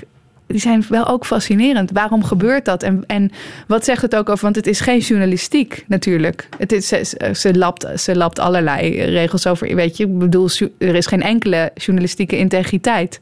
En geen ze, eigenlijk. ook, ze is een beetje gevaarlijk geworden toen ze tijdens de gijzeling in de Ja. Apple Store in Amsterdam ook postte dat ze mensen kende die zich verborgen hielden op de eerste verdieping. Wat Ja, natuurlijk ja ze, ze bracht echt naar was. buiten inderdaad van daar zitten mensen. En toen heeft ze ook heel veel kritiek natuurlijk over zich heen. Dus het is heel... Ik vind haar een interessant fenomeen in een wereld waarin al die grenzen zo erg vervagen. En dat zie je nu, zie, je ziet het overal. Je ziet het met al, alle vormen van desinformatie natuurlijk op het aller, het aller... Ik bedoel wat er nu in Rusland aan desinformatie allemaal naar buiten komt. Maar dus die scheidslijn tussen informatie en desinformatie, die wordt eigenlijk heel dun. En die, die, dat wordt heel moeilijk als daar dus heel weinig verder controle over, eh, om over uit te voeren is. Of, hè, of als dat dan. Ja, je denkt, ja, dat, dat zijn wel dingen om in de gaten te houden. Dus Het is ook een onderneemster, hè? ze verdient er ook geld mee. Heel veel geld, denk ik. Volgens mij wordt ze er echt heel erg rijk mee. Ja, het is ook heel onethisch hoor. Want je, kunt, ja, je kunt je dan abonneren op een extra kanaal... waar ze dan nog eens de extra sappige roddels... en dat kun je volgens mij voor een tientje per maand abonneren mensen zich daar dan weer op. Ja, dit soort dingen. Ik denk wel van, ze zijn zo, ze zijn zo veelzeggend voor de manieren waarop wij leven. Ik denk dat ik als, weet ik wel, als mens en als schrijver... maar ben daar toch elke keer weer door gefascineerd. Ja, ook bang dat je misschien vroeg of laat zelf eens in haar vizier Oh nee, nee, daar ben, ik ben niet het goede genre. nee, absoluut niet. Nee, daar ben ik niet bang voor.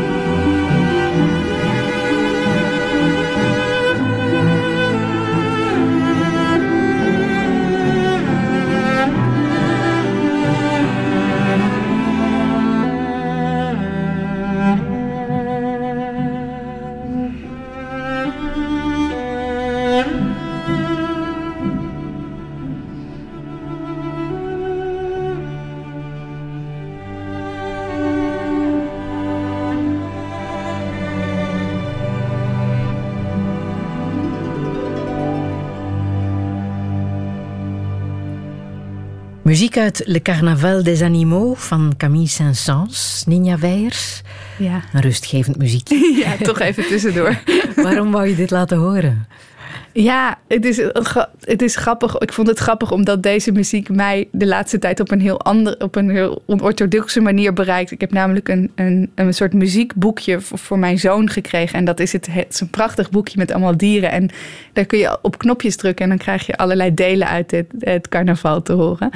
En het is, ja, het is toch wel zo'n sprookjesachtige mooie muziek. En mijn, mijn zoontje is er elke keer heel erg door in vervoering ook. Ja. Dus ja, Ja. ja.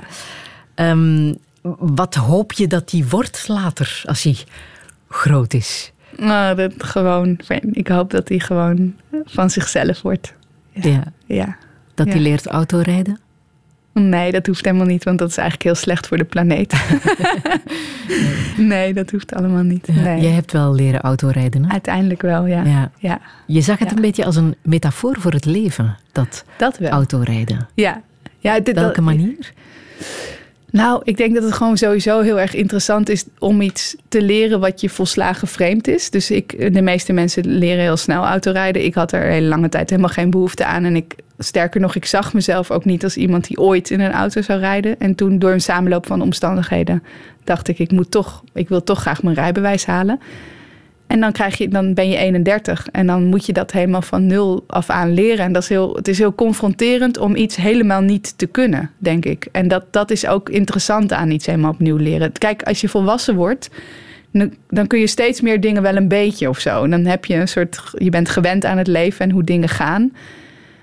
En dan is het heel, ja, is het dus heel interessant, maar ook heel confronterend om iets te leren waar je zo ongelooflijk niks van weet.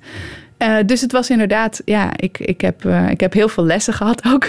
het ging niet heel snel. Maar dan, ja, ik zag alles als een soort metafoor. Maar ik denk dat ik die neiging als schrijver toch heel snel heb. Maar ik dacht dan van, oh ja, ik durf niet zo goed in te halen. Of ik durf niet zo goed in te voegen. En dat dacht ik van, oh, dat doe ik eigenlijk in mijn hele leven al. Vind ik dat moeilijk. Dus ik, ik had daar elke keer, ja, ik, ik begon mijn rijinstructeur ook echt als een soort goeroe te zien. Die mij, die mij wijze lessen gaf over Ja. hoe ik moest leven. Ja. Ja. En dat je niet moet kijken naar de plekken waar je niet hoeft te zijn. Ja, dat is toch. Hij zei: Je moet niet kijken waar je niet heen wilt. Toen dacht ik: Dit is echt gewoon een hele diepzinnige, prachtige uitspraak. Ja, Terwijl het gewoon gaat over ja. autorijden. over autorijden. Ja. Ja. Maar dat soort gesprekken heb je ook met je vrienden. Hè? Je, eh, ja, je filosofeert heel graag over het leven.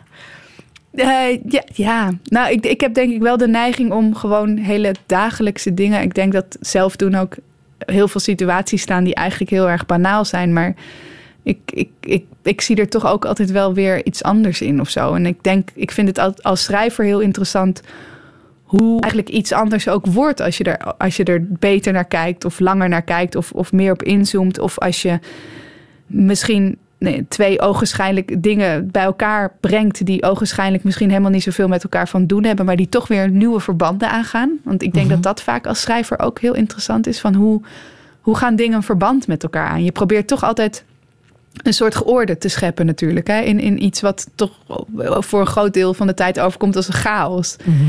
Dus ik denk dat, dat dat voor mij aantrekkelijk is ook aan schrijvers. Dus een bepaalde ordening. Zo van, oké, dit hoort bij elkaar. Of eh, dit, ja.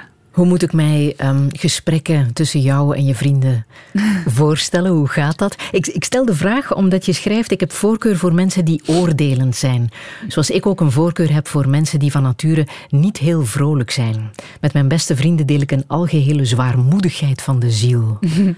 Wat voor gesprekken zijn dat? Ja, dat, nee, dat klinkt dan alsof... Maar ik, denk, ik denk, het grappige is wel dat ik, ik... Ik denk eigenlijk dat ik mijn beste vrienden... dat ik daarover zou kunnen zeggen... dat zijn mensen met wie ik in de eerste plaats misschien zo echt heel erg kan lachen.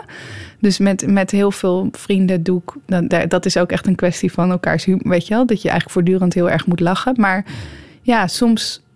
eh, ja, alleen al, alleen al dat je weet dat je een beetje op, hetzelfde, op dezelfde manier in de wereld je beweegt. En misschien op een. En daar een bepaald ongemak bij ervaart. Dat, dat is denk ik ook wel zo. Van dat je het toch niet altijd evident of makkelijk vindt. Net als wat ik zei over je, een jeugd waarin je maar moet fun- functioneren. Nou, dat heb je als volwassene ook eigenlijk nog steeds. En die mensen zoek ik wel uit. En, en dat betekent niet dat we altijd hele zware gesprekken hebben. Heel vaak is het ook heel hoe zeg je dat, fleeting in het Engels. Een beetje zo eh, van alles wat. Eh, en, je, en je, praat, ik, ik, je praat door elkaar heen, ook heel vaak natuurlijk. Dat zijn ook. En, dan, en toch ben je dan toch ineens zit je, ben je in, in iets gezogen wat een heel, een heel diep gesprek is. Dus voor mij, ja, dat is wel belangrijk dat ik dat soort gesprekken kan voeren. En ik vind het ook heel inderdaad over dat oordelen. Dat mag je altijd natuurlijk, is natuurlijk niet echt heel. eh, leuk om dan te, zeggen- te zeggen van dat je, je, je moet natuurlijk zo open mogelijk de wereld tegemoet treden en zo. Maar stiekem vind ik het heel leuk om privé heel af en toe echt heel oordelend te zijn. En dat is ook een soort het opluchting Helpt ook. toch? Ja. Om jezelf beter te leren kennen. Ja. Ja, en ik denk ook dat oordelen trouwens niet altijd iets slechts is. Ik denk dat het ook wel, het is ook een manier om je positie te bepalen. En ook, ook een manier, als je het over schrijven hebt, om, om ook een onderscheid te maken van wat vind je nou goed en wat niet.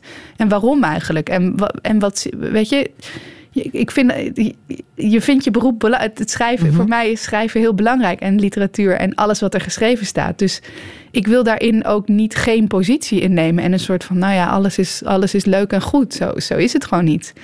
En, eh, en ik vind ook dat je daarover uit moet spreken als, je het, niet, als het niet zo is. Of, Ja. Is vriendschap een onderschatte vorm van liefde? Ja, zeker. Ja. Ja. Ja, we gaan natuurlijk altijd, als we het over liefde hebben, hebben we het over, vaak over de romantische liefde en over hè, de ultieme zoektocht naar, naar relaties. En dat, daar zijn mensen heel erg op gefocust. En, en ik denk, mijn vrienden zijn, zijn echt, echt ontzettend onmisbaar in mijn leven. En, en die, die, die, die vullen, ik bedoel, ik heb ook een liefdesrelatie, maar ik zou er niet aan moeten denken dat dat de enige re- liefdesrelatie is die ik heb. Ik, ik denk ook dat mijn, mijn goede vriendschappen ook een soort liefdesrelaties zijn. Wat ze ook ingewikkeld maakt, want ze zijn natuurlijk nooit exclusief. En dat is ook het leuke aan vriendschap, dat, dat verlang je niet van elkaar. Maar ik denk dat, dat heel vaak over vriendschap wordt gedaan. Oh, dat is leuk om erbij te hebben en, en, en dat is makkelijk. Want, maar ik denk dat als je, als je goed bevriend bent met mensen, dan kom je soms ook op heel moeilijke dingen uit. En, en hoe, hoe ga je met elkaar om? En hoe, kom je de, hoe overleef je een vriendschap? Dat is soms ook zo. Hè? Als je al tien jaar bevriend bent. En dat, dat gaat ook niet. Dat gaat ook met pieken en dalen. En dus over vriendschap wordt heel vaak. Dat wordt een soort van. Daar wordt gewoon niet zo heel veel over gepraat. Vond, valt mij op. Vergeleken met romantische liefde. Terwijl, ja, het is groot.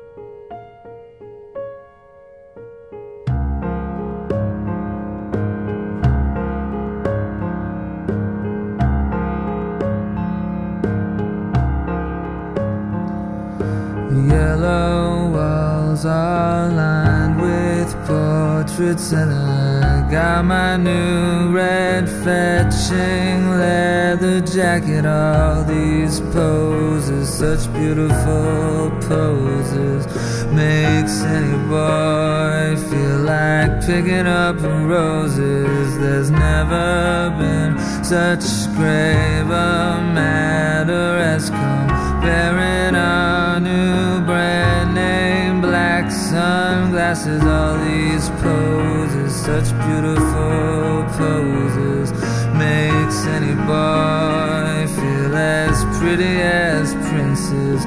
The green autumnal parks conducting and the city streets are wondrous chorus singing all these poses. Oh, how can you blame me?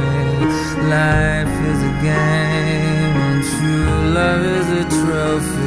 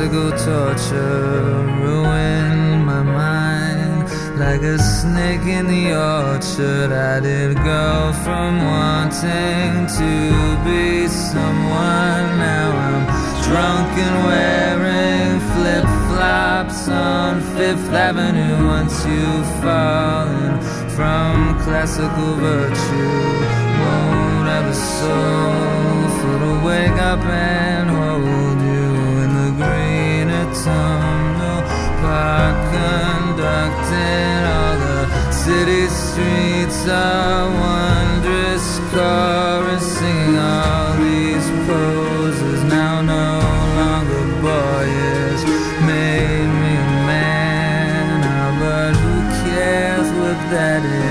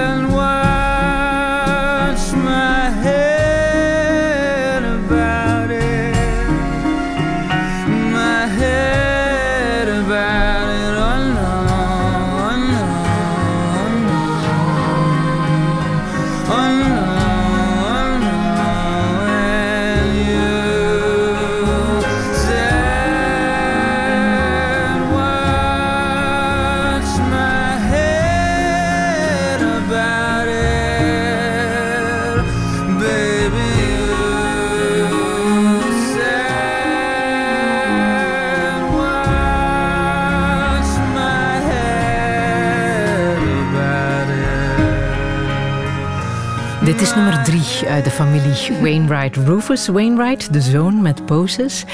De zoon die, waarover werd gezongen door zijn moeder in het eerste. In het eerste lied, hè? Ja, Ninja Weijers. Waarom, wat raakt jou in dit nummer? Ja, Rufus Wainwright is wel denk ik mijn eerste en oudste liefde van deze hele familie. Hij heeft ook nog een zus, Martha. Die, die zingt ook heel erg mooi. Ehm, maar dit, ja, Rufus, die heeft, dat, dat was ook hè, in diezelfde periode dat ik veel naar Bright Eyes luisterde. Zo begin twintig, dat muziek gewoon zo'n heel belangrijke leidraad was. Was Rufus dat ook heel erg. En hij, hij maakt ook, ik, ik vind zijn stem, zijn hele slepende stem en heel interessante composities, maar ook hele prachtige teksten. Dit is een mooi, zo'n lieveling. Daarom heb ik dit nummer gekozen, omdat denk ik een van mijn lievelingszinnen uit zijn oeuvre erin staat. Ja. Dat is dan, dan zingt hij op een gegeven moment: I, I did go from wanting to be someone, now I'm drunk and wearing flip-flops on Fifth Avenue. En dat is zo'n beeld van zo'n zo'n verloren, dronken jongen in New York op Fifth Avenue. Ik, dat, dat, is zo, dat vind ik zo prachtig. Ja, ik kan niet helemaal uitleggen waarom. herkenbaar beeld op een of andere manier. Dat je Ja, als ik heb zelf jong meisje droomt om Madonna te worden. En uiteindelijk, als je dan naar jezelf kijkt, een aantal jaren later. Ja. ja, nee, tuurlijk, tuurlijk. Maar altijd als het over New York gaat, dan heb je mij altijd al wel hoor. Dat, dat is een stad ook waar ik heel erg van hou. Maar ja, dat levensgevoel. Ik denk zo bij Rufus Wainwright, zo die, dat hele, dat enorme talent. eh, want hij is echt waanzinnig goed. En, en, en ook die enorme verlorenheid. En ook inderdaad een bepaalde zwaarte die ook echt in zijn muziek zit. En ook humor. En ook over de top, weet je. Hij gooit er heel vaak alle, weet je, want hij is heel symfonisch. Weet je, hij, ja, hij is daar ook niet bang voor. En hij, hij experimenteert daarmee. Ik moet zeggen dat ik er nu wel minder naar luister. Dus het is voor mij ook een...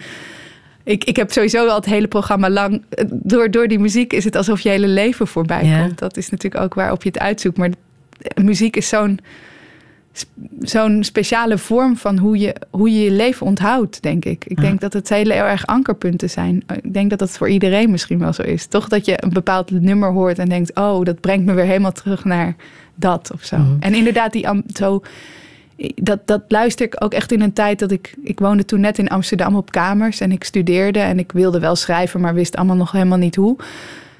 En dat, dat gevoel van dat iemand zoals Rufus Wainwright zo- zich ook een beetje zo voelde of zo. De, de soort tomeloze ambitie die er ook in zit. Ehm, ja, dat sprak mij heel erg aan. Maar je zegt New York, dan heb New je me al. Dan heb je me al, ja, Ja. dat zeker. En ja. nu heb je een partner die daar woont. ja, die daar Al veel- 25 jaar. Ja, ja. Ga jij verhuizen? nee, ik ga niet verhuizen. Nee, nee. Ik zei, ik, New York is voor mij een, een plek waar, waar ik heel graag ben. En waar ik ook altijd eh, ontzettend veel energie eh, van krijg. De laatste keer dat ik in New York was, eh, was in december, begin december, eind november. Toen heb ik zelf toen het nieuwe boek echt helemaal in elkaar gezet. Ik heb daar altijd een soort van. Ik krijg daar ontzettend energie van om, om zelf van alles te maken ook. Omdat die stad, die stad die pulseert echt. En die vraagt ook wel veel van je of zo. En eh, maar, maar ik ben ook gewoon heel erg gehecht aan, aan Amsterdam en mijn leven daar. En, ehm, En hoe ga je dat doen met een vader die in New York Ja. woont en jij in Amsterdam en een kind samen? en een kind samen. Ja, nou, die vader is ook wel heel veel in Amsterdam. Dat, moet, dat is eh, gelukkig wel zo. En, en het is ook fijn dat wij weer mogen reizen. Want ik heb heel lang door de coronacrisis mochten we natuurlijk niet oversteken. Dus het is nu allemaal wel iets eh, dichterbij. Eh, maar, maar ik denk, ja, dat is heel erg ook ons motto, denk ik, van hoe we dit aanpakken met ons drieën. Van dat we het ook, we vinden het wiel uit onderweg. We hebben niet van tevoren daar heel erg over helemaal ingevuld. Eh, het scheelt natuurlijk, ik bedoel, ik heb ook een vrij beroep. Dus ik kan ook af en toe zeggen, nou, we gaan nu een maand naar New York. Die, die vrijheid is er. Mhm. Dat is natuurlijk een grote luxe in die, in die zin. Dat je een soort tweede plek hebt Ja. waar je naartoe mag. Ja. Wat, wat verwachtte jij als, als tiener van, van de liefde, van relaties, van hoe jouw leven er zou uitzien later als je groot zou zijn? Goh, ehm, ik denk dat ik daar hele clichématige, romantische gedachten... Ja, ik... ik, ik, ik- ja, de ja ik, ik was heel benieuwd naar wat dat was, eigenlijk de liefde. Ik, het heeft ook heel lang geduurd voordat ik voor het eerst verliefd werd in mijn leven. Ik was denk ik echt pas 18. En toen dacht ik ineens, oh, hier hebben mensen het over. Was het, weet je, dat had ik helemaal nog nooit zo gevoeld. Je bent, ik denk dat ik wel per definitie nieuwsgierig ben naar allerlei soorten ervaringen. Dus, dus ik wilde ook heel graag weten hoe, hoe het voelde. Hoe, hoe voelt het om met iemand te zoenen of met iemand naar bed te gaan of met iemand in een relatie te zijn. En dan dacht ik, oh, en dan kun je hand in hand. Ja, gewoon heel kinderlijk eigenlijk. Wou je ook Eh. weten hoe het was met een vrouw?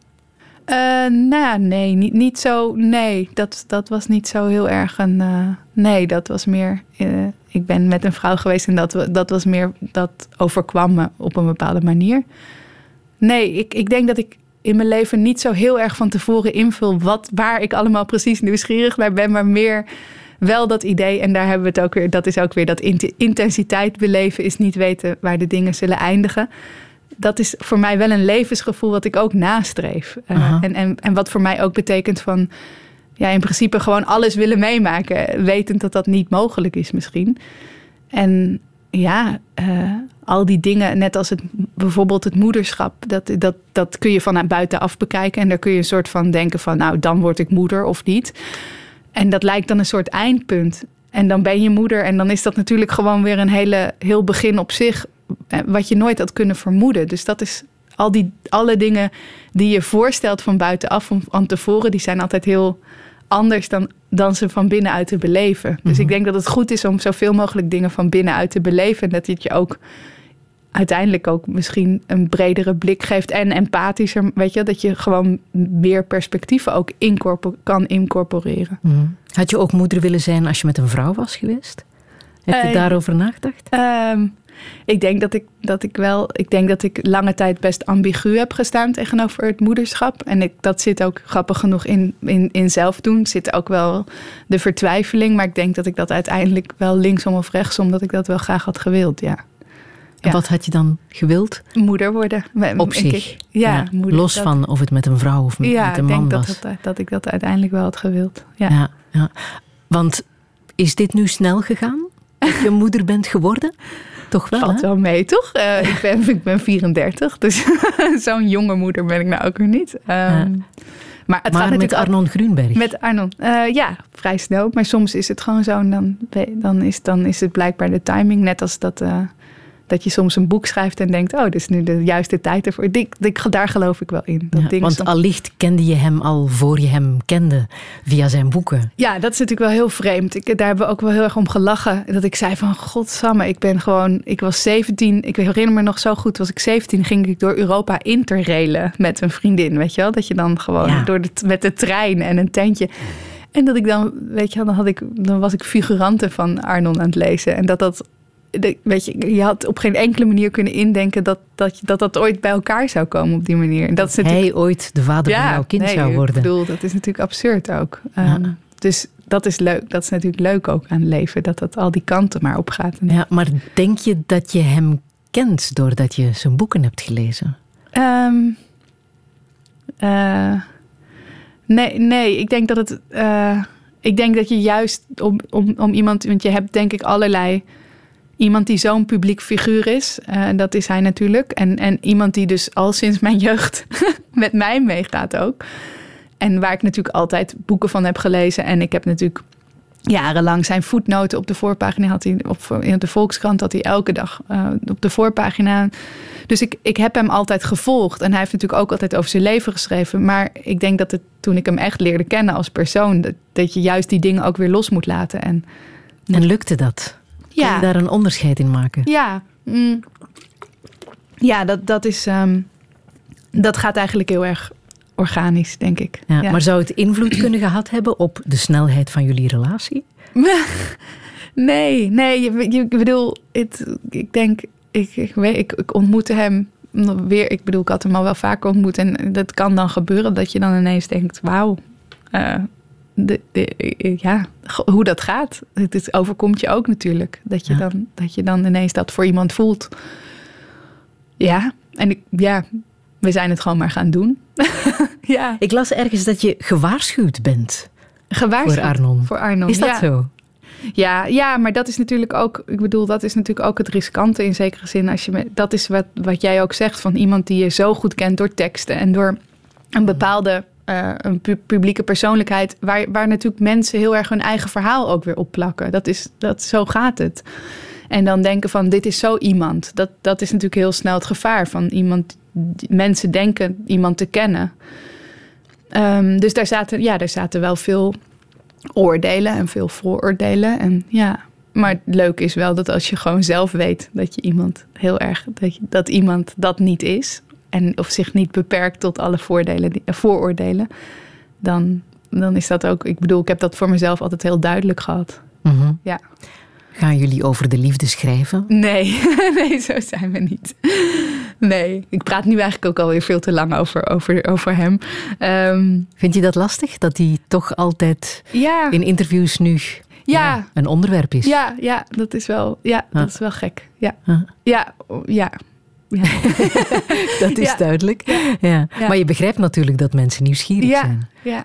Ja, had ik, ja en, zeker, en, en toch had ik het ook onderschat. Weet je, ik ben daar ook naïef in geweest of zo. Dat ik, ehm, dus de, en ik vind het ook interessant. Dan vraag ik me ook wel eens af of mensen dan het andersom ook bij hem doen, zeg maar. Vragen of dat soort vragen stellen. Dus het is ook wel weer een interessant iets. Dat ik denk van, oh, hoe, hoe, hoe werkt dat dan? Of hoe. Maar Maar je zegt, ik, we gaan niet over de liefde schrijven. Nee, wij zijn allebei, en dat is heel prettig, we zijn heel ander soort schrijvers. En we, zijn, we hebben daar heel erg onze eigen, eh, dat is heel, we, we- niet dat we het er nooit met elkaar over hebben, maar dat is echt iets wat van onszelf is of zo. En ik vind het ook niet, eh, nee, ik ben mijn, als, als schrijver ben ik echt, zo, echt van mezelf. En, en ik zal dat ook altijd heel graag willen bewaken, dat dat zo is. Dus, ehm, en, en verder heb, vind ik ook in zekere zin hebben mensen daar ook weinig mee van doen wat onze lief, weet je wel. Dus dat, dat is voor mij dan toch ook privé. Ja. Ehm, maar natuurlijk, ik bedoel ook in zelfdoen zit hij een paar keer meer als reisgenoot. Ik bedoel, hij is natuurlijk in mijn leven, net als mijn vrienden dat zijn. En iedereen, hè, het is iemand die onderdeel is van mijn leven. Ja. Ja.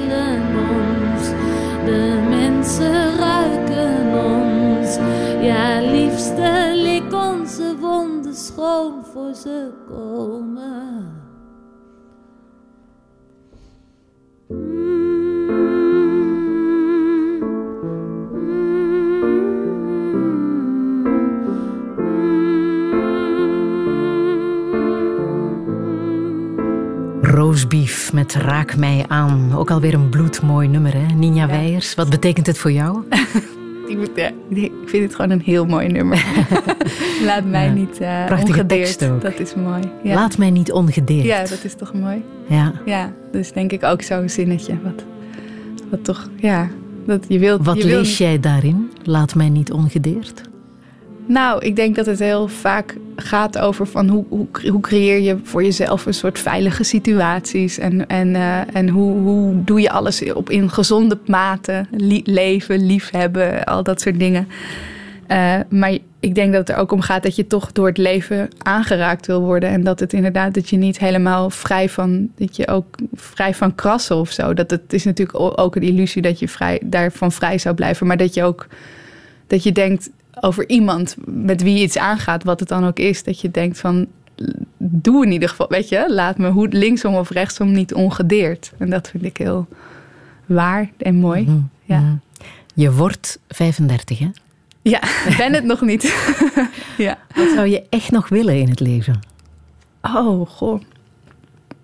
Nou, ehm, niet een oorlog waar de hele wereld bij betrokken is. Nee, dat is een flauw antwoord. Maar ik, ik, weet niet of ik één zo'n ding heb van dit zou ik echt nog ultiem willen. Maar momenteel zijn we denk ik allemaal best wel gepreoccupeerd tot, door wat er in de wereld gaande is. En ik...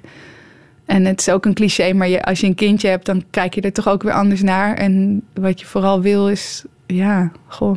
eh, dat, ja, dit is heel moeilijk. Ik weet niet hoe ik het goed moet verwoorden eigenlijk. Ehm, maar je, ja, je, kijkt, je bekijkt het leven anders. Dus het heeft misschien wat minder te maken met wat ik zelf nog zou willen. Want ik zelf, ik heb, ik heb veel gedaan waar ik heel blij mee ben. Maar ik denk, ik wil er wel zelf zijn als, ook als moeder voor dat jongetje. Of ik wil dat die.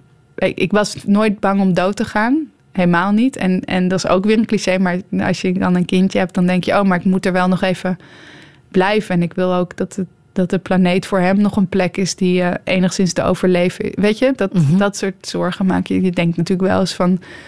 Ja, wat voor wereld eh, is het waar ik, waar ik het leven weer heb doorgegeven? Ja. Mhm. ja. Zou je ooit nog terug naar het Witsenhuis willen? Het Witshuis, waar, waar, in, waar ik lang heb gewoond in Amsterdam. Ja, vijf jaar lang. Ja, Dat is een kunstenaarshuis een in Amsterdam. kunstenaarshuis. Ja. Waar schrijvers Ja. tot vijf jaar lang kunnen Mogen- wonen. Ja, het is echt Daar heb ontzettend jij bijzonder. eh, als writer in residence kunnen Eigenlijk wel, ja. Dat is echt een super bijzonder huis. En ook inderdaad, dat is echt zo nagelaten door de, de weduwe van Willem Wits. En Willem Wits was een kunstschilder. Ehm, en en zij, heeft, zij was heel erg rijk. En zij heeft echt, door, dat, door haar nalatenschap is dat huis dus altijd, heeft het deze bestemming gehad. Als het niet zo was, dan was het nu een van de huizen die gewoon miljoenen had gekost, hè? bij wijze van spreken. Of niet eens bij wijze van spreken, ik bedoel het. Mhm. En nu is het nog steeds een soort plek waar mensen die niet zo heel veel geld verdienen, eh, in, in rust ergens aan kunnen werken. En Dat daar hebben al bijzondere schrijvers Ja, gewoond, hè? ja, het heeft een hele geschiedenis. En Ja. Marga Minko is een van de eerste geweest die ook op mijn etage woonde. Eh, maar ja, van allerlei mensen. Thomas Rozenboom heeft er gewoond. eh. Alfred Schaffer, dichter. Ehm, ja, Maar het is ook een museum, hè? Het heeft, een, het heeft nog een eh, stijlkamer. Die is Ja. dus helemaal in de stijl van de, de soort eind van de 19e eeuw, begin 20e eeuw gebleven. Van, van de schilder Willem Witsen. Dat is een soort. En de Paul Verlaine-kamer. De Paul Verlaine-kamer, ja, je hebt je goed. eh, ja, de, Waar want die Paul Verlaine- gelogeerd Ja, ook? die heeft er gelogeerd. Het is een soort van hoogtepunt geweest in het leven, volgens mij ook van Willem Dat was Witsen. in 18, 1892. Zoiets. Ja, het was ook niet heel lang voordat hij volgens mij zelf eh, ter ziele ging. Het ging al niet heel Zo lang is daar de tijd blijven stilstaan. Ja, het is heel bijzonder. Ja, en al die mensen, weet je wat er allemaal over de vloer kwam? Dat is echt gewoon, ja, het is heel bijzonder. Al- En wat ook, hoe dat elkaar allemaal beïnvloedde. Natuurlijk, je had Breitner, ook kunstschilders en ook Willem Kloos, de, de, de, de Nederlandse dichter, dichter. ja. Het is een periode waar er gewoon heel veel gebeurde in, in de Nederlandse literatuur. En waar dat echt soort werd, opgeschud ook. Dus het is heel gek. Dat is nu een soort van zo'n stijlkamer die nog helemaal, waar de tijd stil is blijven staan. Terwijl het gaat over een tijd waarin er heel veel in beweging was. En eh, Is ja, dat inspirerend of ook een beetje spooky? Om zo Allebei. Ik heb, het, maar ja, ik heb er in kamers, antikamers, heb ik ook dat gegeven wel gebruikt. Van dat een schrijver daar zit en eigenlijk denkt: er is hier zoveel verleden en er, er waren hier zoveel geesten rond. Want het staat ook bekend overigens als een soort spookhuis. Dat is natuurlijk Ja? een beetje een urban legend. Heb je dat ervaren? Nou, nee, dat, heb ik, dat is, het zijn natuurlijk mooie dingen om een beetje uit te vergroten als je erover schrijft. Maar men heeft als uh, zogezegd de, wi- de weduwe Witse wel vaak horen stommelen. Maar het is, het heeft iets, het is een, het is een indrukwekkend huis. En het Ze is iets- nog ergens op de Ze zolder. is nog ergens. Dat is natuurlijk wel ook een leuke gedachte. Ja, ja. Ben je al aan een volgend boek aan het schrijven? zeker. Ja. Over? Ja, nou, ik ben een soort true crime boek aan het schrijven. Ja, het zal je erg verbazen. Hey. Ja, je moet toch altijd weer iets nieuws. eh. Ik ben Ja. een tijdje lang gastschrijver geweest in Almere. Uh, Dat doe je graag, hè? Op andere plekken en Ja. op uitnodiging ergens Ja. gaan zitten schrijven. Ja, ja eigenlijk wel. En, en ik heb echt een half jaar in Almere gewoond. En dat was een heel. eh, dat is een stad die is dus helemaal, die is eigenlijk eind jaren zeventig helemaal uit de grond gestampt. En die groeit en groeit. Dus het is helemaal in de polder een helemaal nieuwe, nieuwe stad. Die, die in, in Nederland ook al een beetje bekend staat als. We hebben er eigenlijk weinig respect voor als Nederlanders. We vinden dat eigenlijk silo's. En, eh, en een soort van, daar kom je toch niet. En toen werd ik uitgenodigd om daarheen te gaan. En toen dacht ik, ja, dit is super interessant. Schrijvers moeten dat Ja. idee oplossen. Nou, gewoon van wat, wat is het? beter imago geven. Ja, nou nee, daar, daar laat ik me niet, voor die kars laat ik me niet per se spannen. Maar het is wel interessant. Kijk, je hebt natuurlijk de neiging om over steden te schrijven die al heel erg in een cultureel geheugen zitten. Brussel, Ja, Parijs, ja. weet je wel, daar, daar, dat is, heel veel geschiedenis. Maar wat, wat, hoe is het om te schrijven over een stad die zo jong is? Vond ik heel interessant. Mhm. En dat wordt, eh, ja, dat wordt een, dat wordt een non-fictieboek. Dus dat is voor mij ook weer een helemaal nieuw iets. Mhm. Ja. Welke boodschap wil jij hier nog meegeven? Dat is echt. Dan sta ik helemaal op slot als ik dat, soort vragen moet beantwoorden. Dat lukt niet? Ik ben niet zo boodschapperig volgens mij. Zullen we dan gewoon nog een postkaartje versturen? Postcards from Italy Ja. van Beirut? Oh, dat is wel heel mooi. Ja? Ja, Om een bijzondere reden? ja ook zoveel naar geluisterd. Ehm, Postcards from Italy, ja. Een soort gevoel, voor mij staat dat lied echt voor een soort vrijheid en reizen en de wereld intrekken. En het kan weer. Ja, yeah.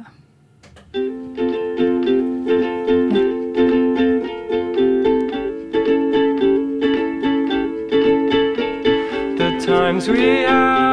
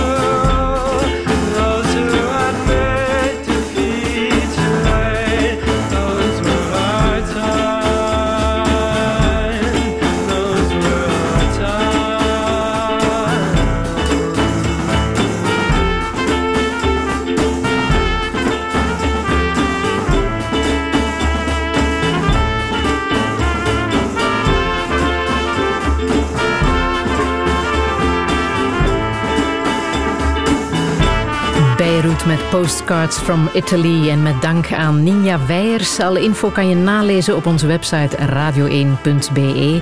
En volgende week vieren we hier een jarige. Dat is Josse de Pauw, theatermaker en nog zoveel meer.